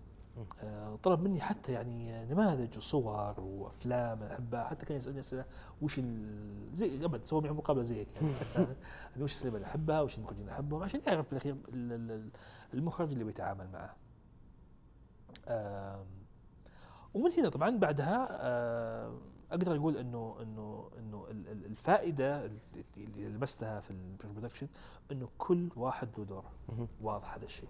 أول كنت تسوي كل شيء. مم. التجربه السابقة اللي إنه فيها من الفوضى والعبثيه الفوضى الحلوة يعني ما هي فوضى شينه لكن لا كان فيه نوع من الترتيب. ما أقول صراحة الترتيب والتنظيم الكامل يعني. بالأخير أحيانا تتداخل بعض ال ال الوظائف لكن كان فيها شكل من أشكال الترتيب. هذه أكثر شيء يمكن لمسته في مرحلة البرودكشن. بعد انتقلنا إلى اختيار المكان. إحنا قلنا احداثنا بتكون آه، دور أحداثها في قرية في الريف ما تحددت إيش القرية ما. تحددت لا ما تحددت بس أنت متخيلها مكان معين بالضبط لا لا لا أنا ك- اللي بيجي في بالي بيجي في بالي شمال الرياض شمال الرياض ستير القصيم. حايل هذا بس إنه ميزة الخرج اختيارها كان لوجستي صورتوا بالخرج أنتم؟ من الرياض صورنا إحنا حتى قبل الخرج في مم. في آه، آه، بلدة اسمها العجان. على طريق الخرج آه، اختيارنا لها غير انه مكان جميل قرية حلوة قريبة وما بعد. زالت محافظة على على الروح أو النجدية القرى النجدية يعني الشكل بيوت الطين المزارع ال- الشوارع نوعا ما عشوائية. المرتبة لكن عشوائية. مم. عشوائيتها حلوة يعني مو مم. عشوائية يعني فوضى. تنفر لا عشوائية تعطيها بصمة آه صح. خاصة فيها. فكان اختيارنا للعجان يعني واختيار حقيقة موفق كان. لعدة أسباب. الشكل كان مرة ممتاز أيضا قرب البلدة من الرياض كان أيضا ممتاز وقربها من الخارج أيضا. إحنا بلدة ما فيها سكن فسكننا إحنا كان سكننا وإقامتنا كانت في الخارج. مم. وكنا نتنقل كل صباح تصوير ونرجع للفندق كان كان في خيارات بعض الممثلين من أهل القرية لأنه واضح جدا إيه. اللي وقف غيروا الكفرات كذا اللي أشرت الناس لا لا لا هذول مواقع هذول هذول casting هذول cast هذا casting إيه. wow هذول ترى. أشكالهم كانت إيه. مرة إيه. صح جداً. راكبة okay جدا لكن اللي اللي اللي, سووا شخصيات اللي يصلون في المسجد. واللي يمروا من الشوارع واللي قاعدين في البوفية واللي في, شو اسمه في الجامع صلاه الجنازة هذا كلهم أهل أهل القرية. لكن أي دور فعليا أنا دائما أقول أي دور يعني يتحدث أو ناطق مستحيل إني أنا كعبدالمحسن أقبل فيه إلا مسوي له casting أكيد ليش؟ لأنه متعب ما تقدر. تقول أجيبه هذا خليه لا لا لا لا عنده لا خيارات من القرية إيه. ما صار ذا الشيء. حتى cast من القرية لا, لا ما في. في بس اللي هو ال- الشايب آه، مو ناصر بعد. اللي كان جنبه الثاني إيه، okay كان من أهل أهل أهل الخرج يعني حلو فال casting آه، طبعا إحنا آه مرحلة ال casting مرحلة اخذت وقت كبير. يعني حتى يعني زي ما قلت لك حتى اختيار الشخصيات الرئيسية آه تحددت لكن خلينا نقول ال- الشخصية الثانية كان يطلب منا نسوي casting لها. مرحلة أيضا القرية مثل ما قلت آه سوينا scouting. يعني إحنا ما كان اختيارنا من عجله مباشرة إحنا فقط حددنا إنه وش الأنسب لوجستيا هل نروح شمال ولا جنوب ولا غرب. لقينا الأنسب هو جنوب الرياض. فسوينا scout شفنا أكثر من بلدة شفنا العذار وشفنا السلمية وشفنا اليمامة. صح كل كل أجمل من الثانية صراحة كلهم جميل. بس العذار حب يعني خلينا نقول حبيناها أكثر لأن شفنا فيها location اللي هو location البيت. اللي هو اللي هو أساس في الفيلم لقيناه هو ال- شو اسمه مناسب. ال- مناسب. وأيضا خلينا نقول تفاصيل حول المكان الشوارع ال- المسجد المزارع. البركة إي إي عرفت؟ تنتمي للمكان. إحنا كم كان نصور في أكثر يمكن نصور هذه أماكن ثانية. موزع. بس حبيناها لأنها مرة فيها كل شيء. فيها كل شيء. يعني مم. فما يحتاج إنك تتنقل وتروح مشهد البقالة كان مرة حلو. البقالة كانت كأنها من بقالات عنيزه صراحة. مذهلة صراحة. إيه. لا لو أنا صراحة ما صورتها بشكل خلينا نقول لاندسكيب عالي يعني إيه. ولا شكلها هي في ال في ال في, ال في المكان مهيب والله. مهيب جدا صراحة. فعلا تذكرك بزمن مضى وانتهى يعني. مرة ما إيه. ما تحصل في الرياض الحين خلاص صح صح مع إنه مرة. كان هو الشكل ال- الشائع في الرياض شائع إيه. لكن الحين خلاص انتهى. صادق إيه. الرياض تحركت بسرعة بس بالقرى إيه صادق قعدت يعني. حتى بالقصيم خلاص ما صرت أشوف ذا الشيء. فلما شفته تذكرت لما كنت في الابتدائي وأنا ادور في عنيزة يعني كنا هذه البقالات اللي نروح لها والثلاجات الموية ال- البيبسي اللي ياخذون منها. كانت مرة رهيبة. وقت ال ال ال الانتاج هل كان في مشاكل اللي حسستك كمخرج؟ طبعا أنت خايف أول تجربة لك. مو خايف بس يعني متحمس ومتخوف أكيد. إيه. بس كأول تجربة لك صارت مشاكل إنتاجية كبيرة اللي خلتك تقول ضاعت أو في احتمالية تضيع هجت شوي. بصراحة لا. في مشاكل جت. بس إني ما وصلت إلى مرحلة إنه ماذا أفعل. لا لأنه صراحة الأمانة منتج المنتج منتج أيضا أعضاء العمل فريق العمل خصوصا الرئيسيين آه، اللي من تونس مدير التصوير أمين مسعدي آه، مهندس الصوت منصف طالب آه، أيضا مساعد ال- ال- ال- ال- ال- الايدي مساعد المخرج عبد الرحمن خوج. يعني هؤلاء محترفين يعني عرفت؟ تثق فيهم وهم يثقون فيك. فما في مجال أساسا دائما هو المشكلة دائما لما يصير خلاف مو بخلاف يعني خلاف شخصي لا أحيانا قد يكون خلاف حتى فني. إنه يصل إلى مرحلة إنه إنه إنه عضو خلينا نقول الفريق إنه ما يؤمن بالعمل هذا كله. يعتبر إنه هذا العمل آه، ما راح يضيف له شيء أو يعني في البداية يمكن الأمور ما هي بواضحة لما أنا أقبل أدخل في عمل تكون الأمور ما هي بواضحه أو أو أو أقول okay قد تكون واضحة بس في أمور ضبابية مع الوقت يبدأ يتلاشى هذا الضباب واكتشف إني أمام مأزق كبير جدا. مم. هذا الشيء الحمد لله ما حدث وكان بامكانه يحدث وهنا تبان احترافية الشخص إنه okay أنا دام التزمت مثل أنا كعبد المحسن لو دخلت في أي مشروع كذا واكتشفت بلتزم بالأخير يعني أو أعتقد ذلك بالأخير إذا أنا فعلا شخص آه، يحترم المهنة وأيضا بيكون له خلينا نقول حضور وجود في في الصناعة السينمائية. آه، فعلى على هالأساس هذا ما صارت مشاكل كبيرة جدا تهدد أنه العمل ممكن إنه ما يكمل. لا ما كان في الشيء بس واجهتنا مشاكل من ناحية ال... يعني آه، أغلبها كانت تتعلق باللوكيشنات. أحيانا لما تروح location معين خصوصا location مفتوح مو بيت يعني محطة جامع آه، أشياء شارع. نقطة تفتيش يعني تتطلب إنه مثلا بالتعاون مع كان في مشهد تفتيش إيه. صح هذه كنت ما تقدر تتحكم فيها لأن فيها طرف ثاني فهمت؟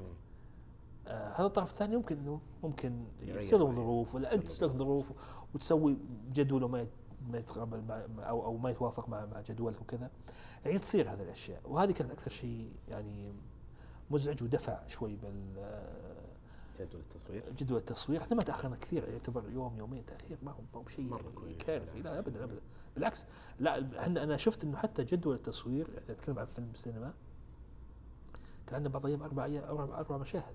احسه تو ماتش. مضغوط جدا أنا اشتغلت مسلسل كنت نصور 12 مشهد ما عندي مشكلة لكن فيلم أربع مشاهد. احس إي أحس إنها كثيرة يعني. بالضبط خصوصا ان عندك بالفيلم أو نص الفيلم عندك يعني تروح بين 80 100 120 مشهد. أتوقع تقدر تصور بالراحة يكون متوسط. تصويرك ثلاثة إلى أربعة. لما أتكلم عن أربع ما أتكلم عن أربع مشاهد ثقيلة. أتكلم عن أربع مشاهد يعني خلينا نقول متوسطة. لكن تصنع مشهد مهم ماستر سين أعتقد إنه يستحق يوم لحاله. أو على الأقل هو مشهد ومعه مشهد على الأقل قصير أو صغير أو كذا يعني. بال- شيء مرة عجبني آه، كان للفيلم إحساس كامل من البداية موجود.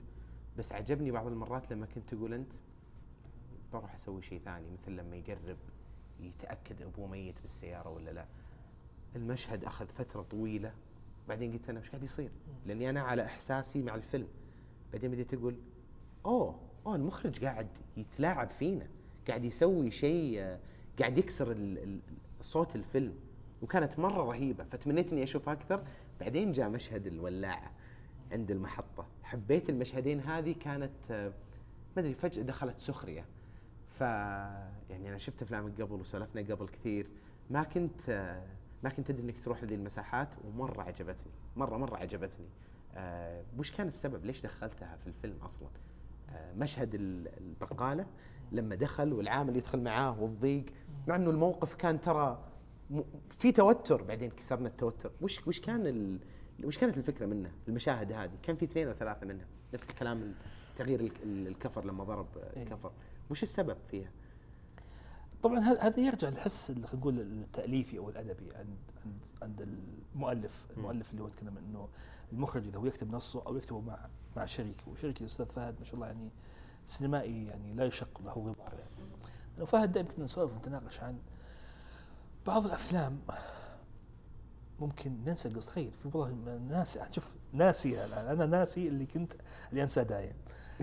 آه كنت نتكلم عن بعض الأفلام والله محمد نذكر اسمها أو أو, أو, أو نذكر مثلا المخرج الفلاني لكن ننسى قصتها قصة الفيلم ناسيه. حاول أذكر فهد فهد يحاول يذكرني. لكن بعضها ما ننسى مشهد. ومن خلال المشهد هذا نحاول نتذكر قصة نكتشف إن المشهد ما له علاقة في القصة مثال ديكالوج. الوصية العشر المخرج ال- آه، البولندي آه، كيجلوفسكي. مم. من من من أهم أعمال فنية مو سينمائيه هو هو هو مسلسل تلفزيوني. بس إنه مسلسل أفلام تلفزيونية سواها في الثمانينات. كان عنده شخصية تظهر بالفيلم. يعني كل فيلم عبارة عن وصية من الوصايا العشر اللي مذكورة في في التوراة. اي ف... فأعتقد شوف ما أدري هو الوصيه الأولى أو الثانية ظهرت شخصية كانت تمشي في ال... في في المكان اللي تدور فيه أحداث الفيلم. شخصية لابسة أبيض كذا. إلى يومك هذا أنا أذكر هذا المشهد وأذكر هذه الشخصية وأزعم إني ناسي الشخصية الثانية أو ناسي الفيلم كله أو ناسي قصة الفيلم كله. ف... ف يعني ليس المقصد هنا خلينا نقول اجترار مثل هذه الأفكار لكن قلنا إنه حلو إنه نفكر بهذا. إنه هذا صراحة اللي يميز السينما. التفكير السينمائي أو تفكير الكتابة السينمائية ما ينبع ب... أو أو أو أنت ما جبت شيء جديد إذا قلت جبت مشهد افتتاحي ثم سارت الأحداث بشكل منطقي وتتابع. ما جبت شيء جديد جبت شيء مثير شيء حلو شيء مكتمل شيء مثالي لكن مو بشيء جديد مو بشيء خلينا نقول يعزز قيمتك. آه فمثل هذه الأفكار اللي خلينا نقول الفريدة حاولنا ان إيش إنه نوعا ما نجيبها وفق أدواتنا الخاصة يعني فجت مثل زي ما قلت زي المثال اللي ذكرته مشهد اليوم كان شم رقبه أبوه آه والثاني اللي هو ناصر هو يحاول يعني صارت صارت يعني شوف ترك قضيته ولده كلها وصار عنده قضيته كيف ولع. ولعت ولع كيف نحل لا ومو بس ولا كيف أدخل هذه- يدرون والله يا. محمد هذه تحدثنا كثير يعني إيه. أحيانا إحنا في خضم أزمة كبيرة ولما تحاول تقروش بشيء. تحاول سلك تدخله في الشافي هذا وتقعد. تنسى. القضية تنسى قضيتك كلها. بس ترى كان لها. إحساس رهيب لأنها جت بعد مشهد مرة tense. كان إيه ثقيل. آه، تلعب games تلعب video games لا لا أول زمان. آه. أنا أيام الدوري الياباني. أذكر أذكر Metal Gear 3 كان في واحد آه، من ال bosses كان مرة صعب. كان متعب ومرهق. ويطول وتوتر. بعدين لما ينتهي كان في تروح تدخل مكان بعدين تبدأ تطلع سلم تك تك تك. تك تك وتسمع صوت تك تك تك قاعد يطلع السلم. بعدين صار لي دقيقتين أطلع فوق وش السالفة؟ بعدين تشتغل music هادية. صح. بعدين يصير المشهد كذا اللي عبثي اللي صار لي أربع دقائق أطلع سلم ضغط سهم فوق بس. بعدين تدخل على عالم ثاني. فكان كنت أشوف interviews لكوجيما المخرج كان يقول مهم إنك تكسر الإحساس لأنك أنت أنت قاعد تتصاعد تتصاعد تتصاعد وش بتقول بعدها؟ خلاص خلني أرجعك للصفر أبدأ بداية جديدة فكر باللي سويته قبل شوي. كذا حلل اللي سويته أنت حتى لو بشكل آه لا واعي. صحيح. فمرة رهيبة حسيتها هنا بالفيلم. ممتاز. خلصنا الفيلم. راح فترة الإطلاق. آه راح مراكش أول صح؟ لا آه يوم انتهى الفيلم. انتهينا من تصويره تقريبا آه في أكتوبر 2018 18. أعتقد. إي. آه وبعدها finish بدينا مرحلة اللي هي ال post production إلى إلى يناير 2019 آه بعدها بدينا نحاول نسوق الفيلم أو نعرضه للمهرجانات آه سينمائية. نجحنا الحمد لله في مهرجان آه كارلوفي فاري. كارلوفي. فاري يعني يعتبر من اقدم المهرجانات ومهرجان يعني ممكن ليس بشهرته و- و- و- وش اسمه وحضور بس مهرجان برلين و... إيه. وكان وفينيس لكن آه هو يجي في ناحية العراقه ومن ناحية حتى الآن بدأ يرجع حتى من ناحية اهتمامه. أول كان يمكن قد يكون مغلق على السينما ال- الشرق أوروبية. الآن بدأ ينفتح على العالم بشكل وهذا من ساهم فترة فتره طبعا المهرجانات تعاني يعني مو كل المهرجانات عندها تمويل كان وفينيس وكذا. لكن هو يعتبر طبعا من مهرجانات الجريد اي وزي مهرجان عريق وأعتقد ثاني ثاني أقدم مهرجان بعد فينيسيا هو. آه فسعيد جدا إنه شارك في مسابقة جديدة بدو بدوها قبلنا بسنة اسمها East of the West مهم. ويتكلم عن هي سينما كل ما بعد ال West يعني من من شرق أوروبا إلى العالم كله يعني الشرق الاوسط الصين وكذا والى اخره فكان فيلم فيلم آخر زيارة كان هو أول فيلم عربي يشارك في الأخير. ال selection هذا وكانت تجربة مرة مهمة في المهرجان يعني كان الحضور مذهل يعني آه، والأسئلة كانت مرة أسئلة فيها شغف وفيها حب ومعرفة وفي تشجيع يعني فعلا مجتمع سينمائي يعني يحب السينما وشغف يعني كنت مرة خايف خايف يعني مو خايف من من الإخفاق كنت خايف من إنه الفيلم ما يلقى صدى أو يلقى ورود من عند المشاهدين. الحمد لله ما لمست هذا الشيء. حلو. جدا هذا ساعدني مرة يعني. كان الحمد لله. إنجاز كبير بعدها راح مراكش. بعدها راح مهرجان مانهايم هيدلبرغ في ألمانيا. مم. آه بعدها راح آه مراكش. وهناك فاز بجائزة كلها المسابقة كلها. كلها دخل في مسابقات يعني خلينا نقول رسمية. وفي مهرجان مراكش آه، فاز بلجنة التحكيم يعني. وقف هنا لحظة. ليه؟ لما تلدا سوينسون أنا أنا شفت الفيديو رهيب لما قالت عبد المحسن عبد الرحمن بعدين الكت عليك أنت وش فيك يا أحلى؟ نطق كان لا إيه هذا أول شيء إيه. ثاني شيء وش فيك يا خوي لما صح لما وقفت أنت كذا ترى وجهك كأنك اللي فزت. ك- وش كان. شعورك وقتها؟ ترى وقفتك كانت ما- كنت كنت- مصدوم وش كنت- ما شعورك؟ كنت ما كنت مصدق. أنا أساسا كنت بقول لك بصراحه ما كنت ما كنت بحضر ال... اي ما كنت بحضر ال- ال- الحفل الختامي فما ما كنت ما, ما, ما في أي إشارات إنه الفيلم ما أدري شلون يعني وفي حتى ال- الأسماء الموجودة آه، أفلام يعني مرة قوية وكلهم حاصلين على جوائز وكذا واللجنة ما أدري مع إن كلهم أحبهم بس قلت ممكن لأنهم كلهم ما أدري شلون يعني ما أدري في شعور غريب مرة يعني أترك تلدا سوانتون قدرها مرة تلدا سوانتون. كممثل بس ترى كان في اللجنة في أسماء مرة أنا, أنا عندي تقدير خاص له. أندريا أرنولد المخرجه مم. مذهلة افلامها أحب Red Road آه Red Road و American Honey أفلام قدرها جدا. في الأهم مو أهم منها هي أقدم منه لكن في مخرج برازيلي اسمه كليبر مندوزا فيليو. هذا سوى فيلم مرة مهم وسوى ضجة قبل قبل يمكن سنة أو سنتين اسمه آه ب- برا آه باكاراو باكاراو باراكاو أو شيء زي. كذا.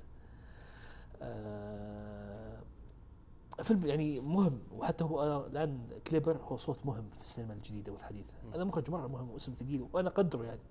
وشايف أفلامه. وحب اي بالضبط هذا هو اللي أيضا اللي آه، آه، شو اسمه آه، لفت نظري أيضا فيه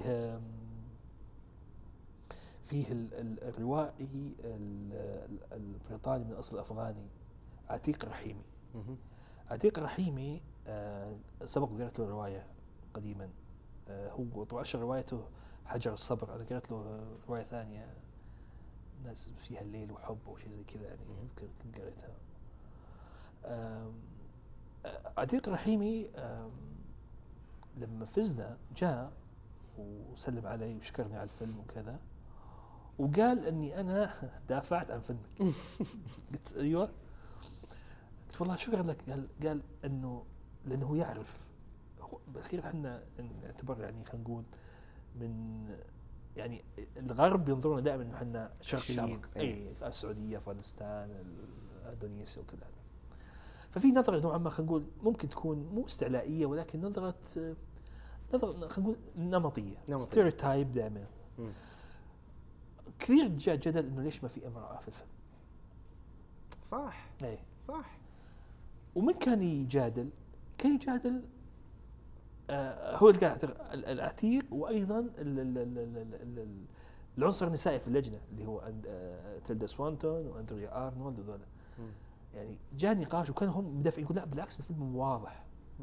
إنه ما هو ما هو ضد وجود المرأة ولا ضد النساء عشان ده ما كان في إلا الزوجة في أول مشهد في بالضبط. ما له يعني علاقة بالعكس بالعكس هو قاعد هو قاعد نقل المجتمع خلينا نقول نقدر نقول نقول بين قوسين أو بين هلالين إنه مجتمع ذكوري ولا هو قاعد يمجد بشيء وبالعكس ابدا. هو قاعد ينتقد وقاعد كذا كذا كذا. يعني أتكلم عن عتيق الرحيم عتيق الرحيم اللي قصصه كلها عن المرأة ومعاناه المرأة الأفغانية وكيف إن الذكورة في المجتمع الأفغاني قبل حتى يعني الذكورة دخلت مع مع التدين والتشدد الديني و- وألغت وجود المرأة ككينونة في المجتمع الأفغاني. أعتقد هذا موضوع روايته حجر حجر الصبر. فشوف اللي يدافع عنك شخص أساسا مفترض إنه هو اللي يرميك بحجر. يعني يقول لك وين وين النساء؟ لو هو لو هو شخص سطحي. لو شخص سطحي بيقول لا بالعكس أنت إنسان ذكوري و- وفيلمك ما في نساء وكذا ولا خير حلو. ف وللأسف هذا هذا الشيء جانا يعني للأسف آه، جاء هذا الشيء آه، هذا النقد آه، من يعني بعض الأحيان وكان يضيق الصدر صراحة. صدق ما أنت ما حسيت بهالشيء لأنها كانت آه، عفوية مرة. إي يعني صح، ما كان. في وجود لأنهم مسافرين رايحين القرية فهد دائما فهد دائما يجادل بغض النظر عن عن الفكر هذا فهد دائما لو فهد الاسطى إنه القصة ما تحتمل وجود امراه بس هذا. اي هي قصة واضحة لو إحنا نقدر نجيب قصة بين بنت وأمها وخلاص حتى يمكن يكون وجود الرجل منعدم يعني إحنا بنجيب ما أعتقد إنها قضية بالضبط، ابدا يعني هو. إي. ابدا يعني هذه الإجابة خلينا نقول السهلة البسيطة لها لكن الفيلم ابدا ما هو ما هو ابدا يعني خلينا نقول منحاز لجهة معينة. منحاز لجهه معينة بالعكس. ولا حسيت بالعكس الجهة اللي. أظهرها ما أظهرها بشكلها أحيانا الجاف صح. طيب على طاري الجهات وش ال... أنت خلاص الحين والفيلم موجود على نتفلكس ونزل على السينما بعد المهرجانات. آه بعدها أنا متأكد إنك بدأت تشتغل على كم شيء. أدري إنك ما تقدر تتكلم عن اشياء اللي قاعد تشتغل عليها صح. الأمور القانونيه وغيرها بس هل في مساحات معينة بعد تجربة الفيلم الأول تبي تستكشفها؟ صح. هو لا طبعا أكيد. بالأخير أنت كمخرج تحس إنه لسه ما اكتشفت أدواتك. يعني الفيلم الأول هو شيء يحفزك على على الصناعة بشكل أكبر. إذا في موضوع معين آه، ممكن أقول إنه فعلا في موضوع يعني آه، يهمني هو كيف إنه آه، يعني ننقل ارثنا الح- المعاصر أو أو حتى القديم أو حتى المنتمي إلى جغرافيا أكبر اللي هي الثقافة والحضارة العربية الإسلامية. ونقل كل هذا الموروث اللي فيه الأسطورة وفيه الملحمة وفيه كل شيء إلى أفلامنا الحديثة. يعني أتكلم عن يعني تخيل محمد أساطير الاغريقيه مم. هذه ملأت الأدب والفن ال- الأوروبي وكانت يعني مستحيل تفهم شكسبير من دون ما تفهم هذه الأساطير. Greek mythology بالضبط. ما تقدر الاوديسا والإلياذة وغيرها وما تفهم أيضا هيوغو و... وكل ارسطوطل بليتو كل- كل- سقراطيس كل ال- بالضبط. يعني كل الروائيين أو الفنانين اللي أثروا في الأدب ال- الأوروبي أو الفن الأوروبي أو الفن العالمي بفهمه أو مزاجه الغربي متأثر تماما بال mythology. إحنا أيضا عندنا شيء أخي أعتقد أنه أكثر يعني وفق فهمنا وحبنا وانتمائنا له أكثر عمقا حتى من ال- الاوديسا والالياذه ما ما يعني ما تقدر حتى تقارنهم مع ألف ليلة وليلة. كعمل ملحمي كبير جدا أو حتى يمكن حتى تقارنهم بال بملاحم زي آه، ملحمة آه، داحس والغبرة وملحمة البسوس وكذا أشياء قبل في المنطقة قلقامش بالضبط هي ليست فقط الملحمة هذه ما هي فقط حروب وقتل ودماء لا فيها قصص حب. وفيها شعر وفيها شيء يعني شيء كثير جدا فهذا النوع من خلينا نقول الإسقاط ال- ال- خلينا نقول الإرث مرة شيء مهم وشيء حلو يكون أحيانا ما يكون بشكل فجأة قبل كم يوم شاهدت فيلم مخرج آه، جواتيمالي مهم. محمد بيهمك هذا الفيلم مرة. اسمه لالورونا okay مخرج اسمه هايرو بوستامينتي من جواتيمالا جواتيمالا وش مشهورة فيه بالفيلم؟ مو مشهور مشهورة عندهم روائي فاز بنوبل بالستينات. اسمه ميغيل أنكل أستورياس. لكن الآن عندهم موجة جديدة موجة سينمائية موجة أدبية موجة شعرية. تخيل الآن يعني الشباب في جواتيمالا مسوين زي لما تقول خلينا نقول منتج بالضبط هذا هو. عندهم هذا. إحنا ترى في السعودية عندنا هذا الشيء. عندنا أدب الآن. عندنا ناس تكتب أدباء شباب وعندنا أيضا حركة فنية في التشكيل. مذهله آه في السينما. يعني نتكلم إنه أكيد إنه هذا النشاط أكيد بينتج عنه شيء. فهذا الفيلم اللي هو لالا رونا مرة ماخذ الأساطير اللاتينية لكن كيف شوف كيف مسقطها. ما أقدر أقول كيف مسقطها لأنه بحرق الفيلم فنشاهده وأيضا المشاهدين يشاهدون الفيلم مرة يستحق. ومرة آه يعني خلينا نقول فيه توضيح اللي, أنا قاعد أقوله. ما أقول اني إنه إنه ننتقل للماضي. إحنا فهم إحنا كل الأعمال اللي سويناها للأسف لما تتعلق بماضينا كنا نروح للماضي. لا لا جيبوا خلوه هنا اسقطوا. علينا اسلوب واقعنا. حاضرنا قصة إنسانية بسيطة. عطوا إحنا بس تجيب طاري مثلا دحس الغبره راح سيوف و- بيريد هلم يا رجال وكذا والى آخره إيه، تروح لل إيه صح تروح لل- للفترة ذيك لا الموضوع. يحتاج يعني إلى عمق أكثر إلى شغل أكثر. صح. لا تفهم. لا تفهم اللي قبل. بعدين تسقط بالشكل الصح. فهذا اللي قاعد تفكر فيه بالفترة الجاية؟ يعني هذا لا هذا أنا قلت تفكير. مساحة تفكير. بصراحه ما أقدر أكذب عليك. مو مو بشغلي القادم كذا. لكن هذه المساحة اللي أنا أقول. مهتم فيها. كثير نوعا ما. وأيضا الآن أفلام الجنرا آه، وتحديدا أفلام الرعب والإثارة.